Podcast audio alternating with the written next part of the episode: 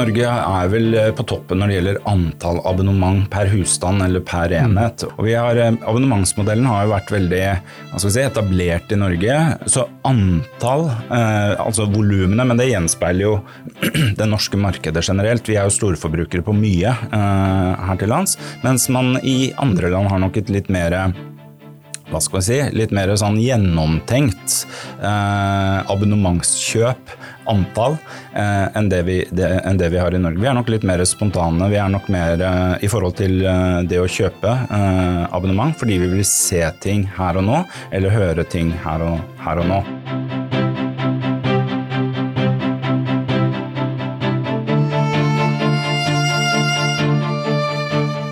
Velkommen til Subscription Talks en podkast fra Subscribe om The Subscription Movement. Abonnementsbølgen som skyller over hele verden og transformerer bransje etter bransje. Stadig flere konsumenter og bedrifter foretrekker produkter og tjenester som er abonnementsbaserte. Både fordi det oppleves som fordelaktig for både kunder og bedrifter, samtidig som abonnement støtter opp under bærekraftige forretningsmodeller. De tre p-ene People, Planet og Profit hver episode har et eget tema, hvor vi har invitert spennende gjester. Både små og store aktører fra alle bransjer, men som har det til felles at de satser på den abonnementsbaserte forretningsmodellen.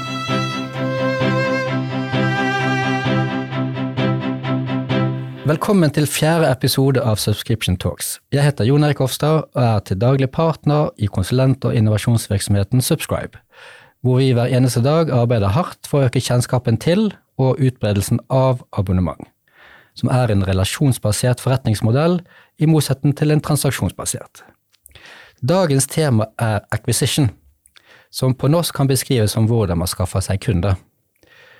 Når konseptene er klare, er det på tide å la abonnementsproduktene eller tjenestene møte markedet. Hvilke strategier skal legges opp, hvordan skal kampanjeplanene være, og hvilke salgskanaler skal man benytte? Men før vi begynner, velkommen til medvert og kollega Knut. Hallo. Takk, takk. Knut, vi i Subscribe vi har definert fem, de fem viktigste KPI-ene, altså nøkkeltallene i en abonnementsvirksomhet. Og to av de har vi sagt er knyttet til salget. Sa ikke vi nettopp i forrige episode at abonnement er en retention business? Jo, vi gjorde vel det. Men uh, samtidig, det er vanskelig å um, det er vanskelig å, eh, å skulle si, beholde noe uten å selge noe. Du må selge for å kunne beholde. Um, så det henger jo sammen. Og um, du, du kan retent holdt på å si, så mye du vil, men eh, hvis du ikke har, har solgt til noen, så, så, hjelper ikke det. Og De som lurer på det, våre fem topp KPI-er i en abonnementsvirksomhet er Customer Lifetime Value, altså livstidsverdien. Det er salgs- og rekruttering, altså det vår evne til å få de inn. Det er gjennomsnittlig inntekt, average revenue. Det er selvfølgelig frafall og churn. Og til slutt så er det custom acquisition cost, vår evne til å få nye kunder inn til en fornuftig, akseptabel kostnad. Men så velkommen til vår gjest Børge Nilsen, som til daglig er kommersielt ansvarlig i Viaplay Norge, men som i dag er her som en av landets mest erfarne markedskapasiteter innenfor abonnementssalg. Takk for det. takk for det. Du, Hvor mange abonnement tror du du har solgt opp gjennom disse 20-25 årene? Oi, ja, nei, Det er et godt spørsmål. Uh, og uh, jeg har nok solgt uh, abonnement til de fleste nordmenn, og flere ganger også. så jeg har vært i mediebransjen i veldig veldig mange år, over 20 år. Skipsted, TV 2 og nå Viaplay. og ingen tvil der om at jeg har solgt i både flere, i flere generasjoner og flere familiemedlemmer og til en stor del av Norge. ja. Du har jo en utrolig spennende bakgrunn, som du sier. Du har, det har strukket seg over tid. Du startet med å selge papiravis mm. i hine harde dager, og selger nå rene digitale produkter i en bransje som er ekstremt konkurranseutsatt. Men før vi begynner, har du et personlig favorittabonnement? Det har jeg absolutt. Eh, jeg tror jeg må nevne, som jeg vet veldig mange andre nevner også, eh, Spotify er nok det abonnementet jeg bruker mest, i tillegg til Viaplay. Uh, og uh, det har med bruksområdet Klart det er færre konkurranser der, uh, eller konkurrenter der, men når det kommer til musikkstreaming. Men bruksområdet, jeg bruker det både til musikk og jeg bruker det til podkast, så, så, veldig bredt. Samtidig så har jeg mange tidligere kolleger og venner som jobber i Spotify i Stockholm, så jeg, så jeg har også litt sånn kontakt i forhold til det, og noen diskusjoner med de. Så det gjør at, uh, gjør at jeg setter den som favoritt. Du, som du ser selv, du er ikke den, du er ikke den eneste. Og det er jo også Spotify et av våre yndlingsabonnement, altså i forhold til det vi i vår terminologi kaller for abonnement 3.0. altså Det er forever in beta, de utvikler seg, det er kundefokusert, abonnementsorientert osv. Du Knut, har du noe favorittabonnement? Um, jeg, jeg, kan nevne, eh, Sist så nevnte jeg jo treningsappen Bruce, men jeg kan nevne eh, et abonnement som jeg ikke har ennå, men som jeg tror at i det, i det jeg signer opp, så er det for livet. Og det tror jeg er YouTube, for, eh, eller YouTube Premium, fordi eh, vi er ganske ferdig med de reklamene. Altså. Det, jeg, jeg, tror det er i ferd med å bli mitt eh, yndlingsabonnement uten at jeg har det ennå. jeg har jo mange yndlingsabonnement. Uh, når vi i Subscribe spurte folk i Norge hvor mange abonnement har du, så sa de ni, og så ba vi de telle opp, og de hadde 18 i snitt. 18 i snitt. 18 i snittet, Og jeg telte opp mine, jeg har 32. Uh, så bare begynn folkens å telle opp uh, mobilapper, strømmetjenester, telefonabonnement etc., etc. Et litt kjedelig abonnement som jeg har nevnt en gang før, det er faktisk Office 365.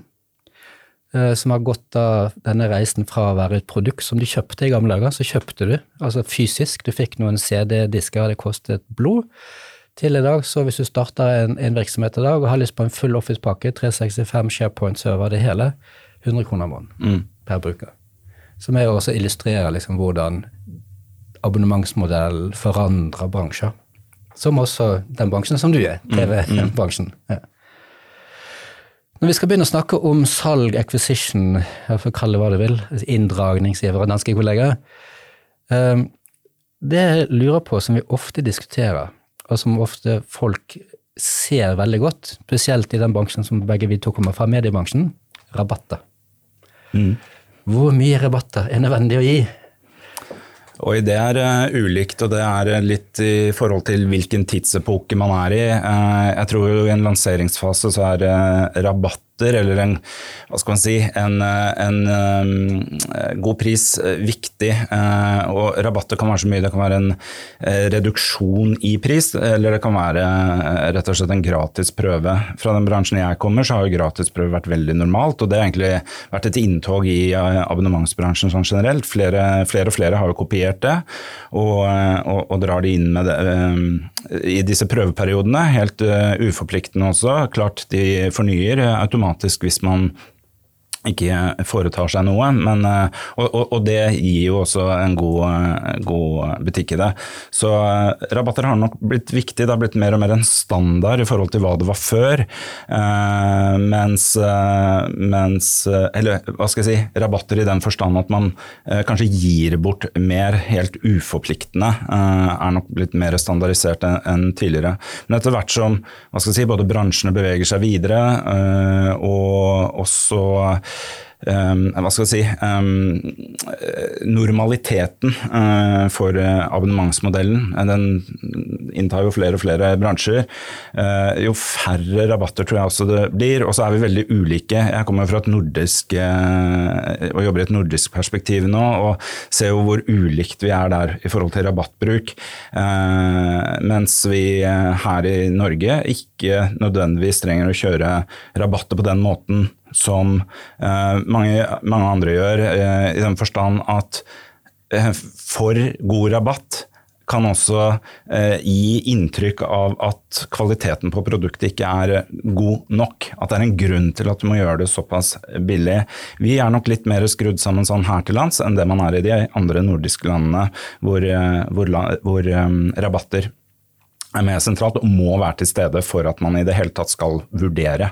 Så, eh, så jeg vil si det, vi er nok kanskje i en sånn skillelinje fra, eh, mellom rabatt og innhold, eller liksom kvaliteten på produktet, eh, når det kommer til, til, til akkurat det temaet her. Er det noe um eh, sånn, den her avveininga mellom Det er litt sånn diskutert de siste årene mellom det å, å belønne eh, lojalitet. At man på en måte, mange får kritikk for at du bare belønner de som er nye, mm. men de som faktisk er lojale og alltid har vært der, de får ikke noe på en måte, belønning eller noe rabatt. Får, har du gjort deg opp noen liksom, tanker rundt den problemstillinga der? Ja, altså Det finnes jo et utall av, eh, av um, rewards og, og, kundeprogrammer, lojalitetsprogrammer i denne bransjen. Og Eh, de skal være veldig gode, og de er kostnadskrevende eh, for at de skal bli brukt. Eh, så mange har jo forsøkt med, med å segmentere kunder inn i, i, i et lojalitetsperspektiv og belønne ut ifra det. Både på poeng, varer, kjøp av andre varer, tjenester etc. Og det skal veldig Hva skal jeg si det eh, Det gjenspeiler kanskje at jeg blir litt subjektiv på det, men, men, eh, For jeg er ikke en verdensmester i bruk av disse kundeprogrammene selv. Jeg bruker det stort sett på, på reise og den type ting, og der det ligger inkludert i f.eks. kort og transaksjoner, så det automatisk kommer. Men, men at jeg tar aktivt grep, og at det er grunnen til at jeg er kunde, det er nok i, heller få tilfeller hva jeg selv tror. Eh, men et godt kundeprogram, et godt lojalitetsprogram, forankret, eh, strategisk osv. Selvfølgelig er det, er det mm, givende og, eh, for lojalitet, men, men, det er ekstremt kostnadskrevende. Rabatt kan også bli litt for enkelt, fordi på en måte den, den du bruker en veldig solid rabatt for å unngå å gjøre andre ting eh, internt eller organisatorisk for å, for å egentlig ta inn kunder og skape lojalitet. Så, så, eh, jeg tror nok mange bruker rabatten litt, eh, litt feil og, og, og, litt aggressivt, og at det faktisk går på bekostning av organisatoriske forhold. Det er et godt poeng. Børge og meg vi jobbet sammen for lenge siden ja. i, i Papiravisens Barndom. Det var en gang vi hadde en kampanje. En sa til meg Jon Erik, hvis vi gjør dette, så er vi desperate. Og så sier jeg ja, det er vi. vi er desperate. ja. Så kjør på. Um, men salgskanaler, mange av de vi jobber med, også innenfor mediebransjen, og andre bransjer også, bruker egentlig også ganske mye av de gamle salgskanalene fremdeles. Altså mm. Altså telemarketing som peaket nesten for 20 år siden, på en måte, og hadde sånn jevnt nedgangende trend. Hva tenker du rundt salgskanaler i business to consumer-marked? Eh, avhengig av produkt og hvordan man gjør det. Eh, du nevner TM-bransjen. TM-bransjen har absolutt sin fremtid, og bare den brukes riktig. Jeg tror nok eh, tiden med å, det man kalte kalde kunder og, og måtte bare ta en telefonliste og, og begynne å ringe, det, den tiden er nok litt forbi. Den er vanskelig, litt, beror litt på hvilket produkt og hva du, hva du skal selge. Men hvis du, en, hvis du, er god på å bygge leads, bruker hva skal jeg si, støttekanaler eh, for å gjøre det interessant eh, når man ringer. At det er allerede oppnådd en, eller eh, man har gjort en relasjon. Da. Så, så, du har en grunn for å ringe, og ikke det blir iskaldt, sånn som, som jeg startet med å si. Så, så har det absolutt, absolutt temaen en god fremtid. Og når det også kommer til dette med både lojalitet, oppsalg osv., eh, berikelse av produkter, eh, så, så, så, er jo definitivt temaen en god kanal. Men det er nok det er nok den kanalen folk har eh, mest skepsis til, fordi er Det handler jo om kontroll i et salgsøyemed, og, hvis man ikke vet at noen ringer, så, så, så, så blir det dette kalde, som jeg sier. Og, og nok, den tiden er nok eh, litt forbi. I hvert fall å skape de gode resultater eh, i den. Men i forhold til kundelojalitet, oppsalg osv., og, og, det, og har man gjort et godt forarbeid på å bygge leads, så, absolutt. Ja, sant? Og det kan også være broen fra rabatten til, Klart. til noe mer permanent.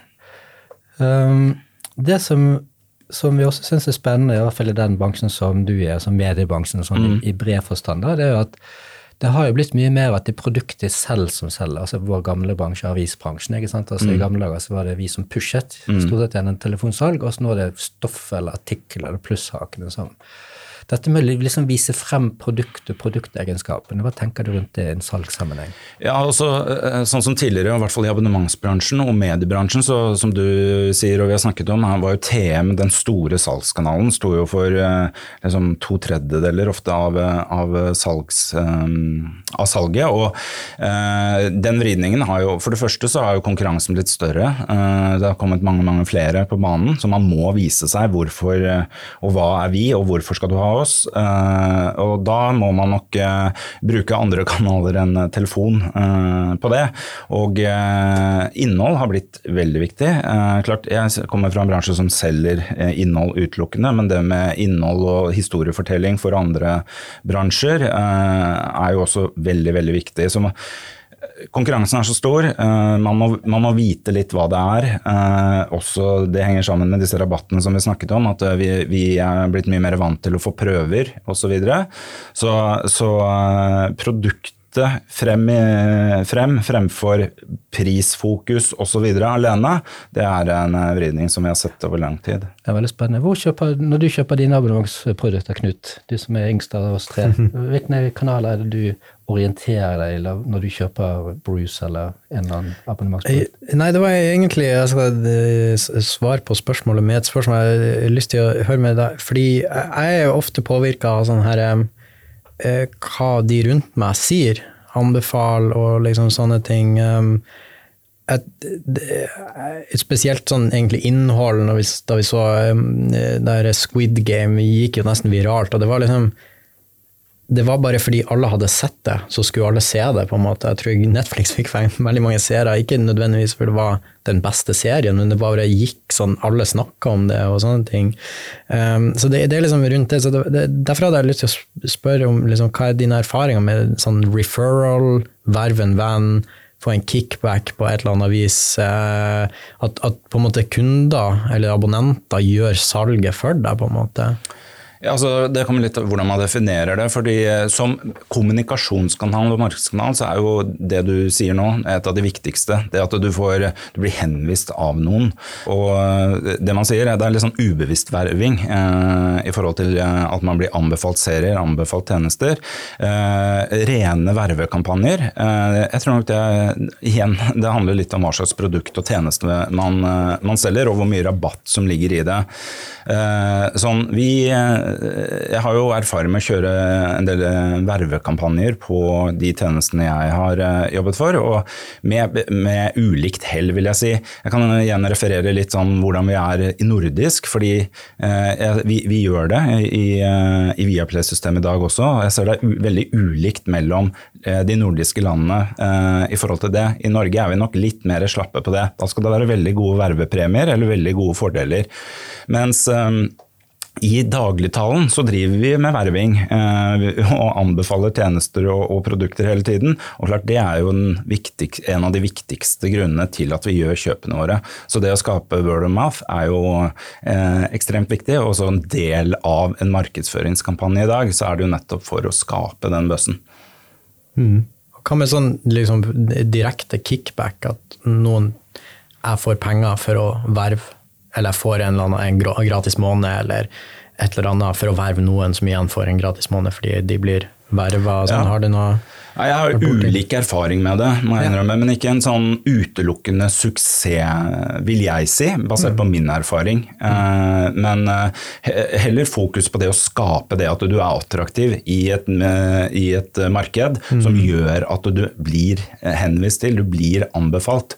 Men eh, som sagt, jeg har ingen sånn veldig gode eksempler eller erfaringer på gode vervekampanjer, mm. men jeg vet at de finnes i bransjene, både innenfor trening spesielt og, og andre abonnementsmodeller som, hvor, som har faste vervekampanjer, og eh, basert på antall, basert på, eh, i, i, forhold til hva man blir premiert med, og osv.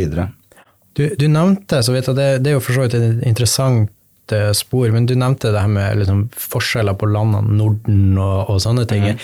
Er det noe, med tanke på salg, er det noen kulturforskjeller du ser sånn tydelig mellom Norge, de andre nordiske landene, eller andre land? Er det noe sted Norge skiller seg ut i verden? Sånn? Ja, Eh, absolutt. Vi, eh, Norge er vel eh, på toppen når det gjelder antall abonnement per husstand eller per mm. enhet. Mm. Og, eh, og, det bekrefter vel flere av oss rundt bordet også, i forhold til hvor mange abonnementer vi har. Og vi har abonnementsmodellen har jo vært veldig si, etablert i Norge. og så, så, antall, altså volumene, men det gjenspeiler jo det norske markedet generelt. Vi er jo storforbrukere på mye her til lands, mens man i andre land har nok et litt mer hva skal vi si, litt mer sånn gjennomtenkt eh, abonnementskjøp, antall, eh, enn, det vi, det, enn, det vi, har i Norge. Vi er nok litt mer spontane. Vi er nok mer eh, i forhold til eh, det å kjøpe eh, abonnement, fordi vi vil se ting her og nå, eller høre ting her og, her og nå. Så volum er én ting, men vi var også veldig tidlig ute med Uh, nå er jeg litt i den digitale verden, men, men uh, klart uh, den, vi har god økonomi i Norge. Det gjør at vi har en god in, infrastruktur i, i, norske hjem. vi er teknisk langt fremme, så vi, så, vi, har plattformene for å streame, for å bruke veldig mange av de abonnementstypene som har kommet de siste årene. Så Derfor så har jo også vi vært langt fremme ved å, å ta de i, i bruk. Det, men det henger selvfølgelig sammen med økonomi. Børge, vi jobber med en god del oppstartsbedrifter mm. som starter på null i abonnement. Og det de lurer på, det er sånn, hvordan griper jeg det an? Altså, hvordan, hvordan skal jeg planlegge den? Hva tenker du som har, som har så lang erfaring i forhold til dette med struktur i abonnementssalg, eller hvordan skal man planlegge, eller altså hvis du skulle gitt et råd til, til, til et tomannsfirma som har en eller annen digital app eller, eller noe sånt mm. Eh, for det første så er det jo å ha en god plan og, sette en god strategi, en kundesentrisk strategi. At det er forankret fra ledelse, at uh, det er kunden i fokus og vi skal fokusere på en abonnementsmodell. Uh, og det, er, det, må være utgangspunktet. Og hva skal jeg si, så er det viktig å se hvilke kanaler man skal bruke. Og hva skal jeg si, gjøre et godt stykke forarbeid i forhold til hvilke kunder, hvilke kanaler kanaler, eh, budsjetter, eh, både forventninger i forhold til salg og vekst, eh, som, som, igjen gjenspeiler hva man gjør av kommunikasjon og marketing. Så, så en, en, god forankring, en god strategi, er jo det viktigste. Og si, det er jo ikke noe dette er jo tilsvarende om man skal gjøre noe annet og er en oppstartsbedrift på andre områder som ikke har en abonnementsmodell, men man må man må bruke de si, eh, grepene som ligger i, eh, abonnementsmodellen. i forhold til å gjøre, Det gjelder å være tidlig ute, sånn man får inn kundevolumene og, og, læring på dette. Eh, sånn at man får et hva si, volum av kunder som man kan teste en del ting på, gjøre målinger og, og, gjøre grep for å gjøre videre vekst. Jeg jobbet i TV 2 i mange år, og da jobbet vi under en modell som var teste, måle, lære. Og, og, klart det i en oppstartsfase, og egentlig hele tiden også, men, men spesielt i en opp, eh, oppstartsfase, så er nok det veldig viktig. En forankring, og så begynne å teste ting. Eh, gode måleverktøy, og ikke minst da ta grep. Eh, gjøre lærdom og ta grep videre. Vi er jo veldig enig i det. Altså for det, det, det, vi ofte ser også forbausende mye i store virksomheter, altså litt sånn mangel på struktur. Mm. Altså vi er veldig tilhengere av, av nøkkeltall, kunne måle ha kontroll både på, altså på, kanaler, på kostnader, på effekter og sånn. Så det er også det egentlig vi også sier. liksom Lag en plan, vær strukturert, lag en markedsplan, lag en kampanjeplan, sørg mm. får nøkkeltall. Så det, så det er sånn, det, det er sørgelig lite kreativt, på en måte. Den kreative delen er en sånn bitte liten del av det. Ja, kundereise er litt sånn eh, godt brukt og kanskje oppbrukt ord også i mange sammenhenger, fordi det gjentas ofte. Men, eh, men eh, en, en, en, god kundereise er jo veldig viktig her. Sånn at man optimaliserer alle fasene i den. Men jeg vil si i en oppstartsfase så er det forankring som er det viktigste. At man går 100% inn for det, og ikke mm. bare noe man prøver i tillegg til noe annet. Fordi man ser at det er en trend eller at en konkurrent gjør det. så, så, så så gjør vi det også. Det må forankres, det må sette en tydelig strategi, og, og det må etableres organisatorisk. Så det er det viktigste.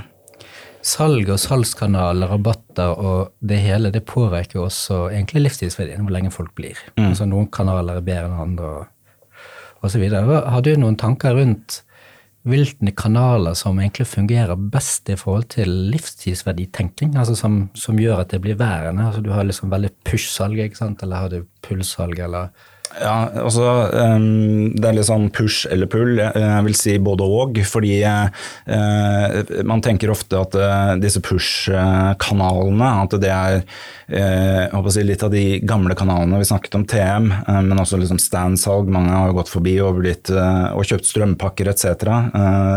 Og, og, og, kanskje definerer det som push-kanaler. Men teknikken og det digitale har kommet like langt i dag, og egentlig mye lenger også finurlig i forhold til hvordan man pusher på nett og pusher digitalt. Eh, men klart, eh, det handler eh, som jeg sa innledningsvis, litt om dette med kontroll. Og hvis kunden føler at han har gjort et kontrollert kjøp, altså et kjøp tatt egne beslutninger og, og, og, og, på en måte styrt prosessen, selv om det er en, det er en pull-strategi, en digital pull-strategi som ligger bak, så er opplevelsen av at man har gjort et godt kjøp større. Det påvirker også kundelengde, eh, definitivt, er min erfaring. At, eh, så, så, så, hvis du er Si, du har noen gode eh, det, det, Jeg har hørt at 80% av alle salg starter på Google, og, det stemmer nok ganske godt. Eh, og eh, det å ha en god remarketingplan ut ifra hvordan du er på søk, hvordan du er styrt, hvordan du tagger opp sidene dine Nå er jeg veldig i det digitale landskapet. Det gjør jo at du hele tiden kjører remindere på produktet ditt osv., og, og det påvirker jo selvfølgelig kjøpet. Og da, jeg tror Eh, eh, sånn som vi er skrudd sammen, så føles det at vi har kontroll, og vi gjør et kjøp basert på min egen beslutning, fremfor om, eh, om, om man blir direkte kontaktet og en, mer av det vi definerer som en, som en aggressiv push-kanal. Men så ja, det er vel sånn oppsummert at når kjøp er gjort selv, tatt på egne beslutninger osv., men det er jo styrt av, av selger likevel, så, så er, det påvirker i hvert fall kundeverdien veldig positivt. Så det er litt sånn oppsummert, altså Folk hater å bli solgt til, men de har lyst til å kjøpe? Ja, og det er derfor jeg sier litt sånn eh, både og eh, på det. Fordi eh, det handler om hvordan man blir solgt til, og, mange, og hvordan man definerer det. Men jeg tror at mange, når man sier å bli solgt til, så refererer de til en aggressiv salgskanal som, hvor man ikke har kontrollen selv. Har du jobba noe særlig med B2B? Har du noe erfaring med B2B-salg? Ja, jeg jobber med det også, ja. ja. Mm. Hva, liksom, hva, hva, bør man tenke på? Hvordan fungerer salg der versus B2C? Ja, det er jo gjerne lengre prosesser. Uh, flere faser uh, av salget. Uh, ikke like spontant. ikke like Hva skal jeg si Man følger ikke den samme oppskriften i forhold til liksom, rabatt, prøve osv. Så, videre, så ofte. så det er lengre beslutninger, det er gjerne flere beslutningstagere. Osv. Så, videre. så Så det, det henger veldig godt sammen. Vi gjorde en undersøkelse for et års tid siden hvor vi, folk, vi spurte folk hva altså, hoveddriverne til å kjøpe et abonnement. Så sa de at uh, nummer én det var selvfølgelig å ha et behov. Mm. har lyst til å se på noe eller lese noe eller konsumere et eller annet. Uh, nummer to var liksom dette med overraskelser. Sånn, kommer høyt opp. Og så har jeg lyst til å forsøke noe nytt. Men så kom det også ganske høyt opp dette med muligheten for å kunne si opp. Ja. Har du noe ja, altså Det tror jeg definitivt er eh, blitt viktig, og det ser man jo egentlig i hele abonnementsbransjen. At uh, ordet uforpliktende, at man enkelt, at man selv styrer, det er jo det man har. Det er jo egenskap man har lagt til i kommunikasjonen på abonnementsprodukter i mye større grad enn man gjorde før. Tidligere så var det jo du måtte ta kontakt med et kundesenter gjerne, og eh, det var Folk opplevde ting med lit, i liten tekst osv., at det lå noe der. Så der igjen er tilbake på dette kontrollbegrepet begrepet. Det at man styrer selv, at man har fleksibiliteten. Veldig viktig. Eh, jeg, ser jo at en del på en måte bruker det som et salgsargument, at du kan selv stoppe når du vil.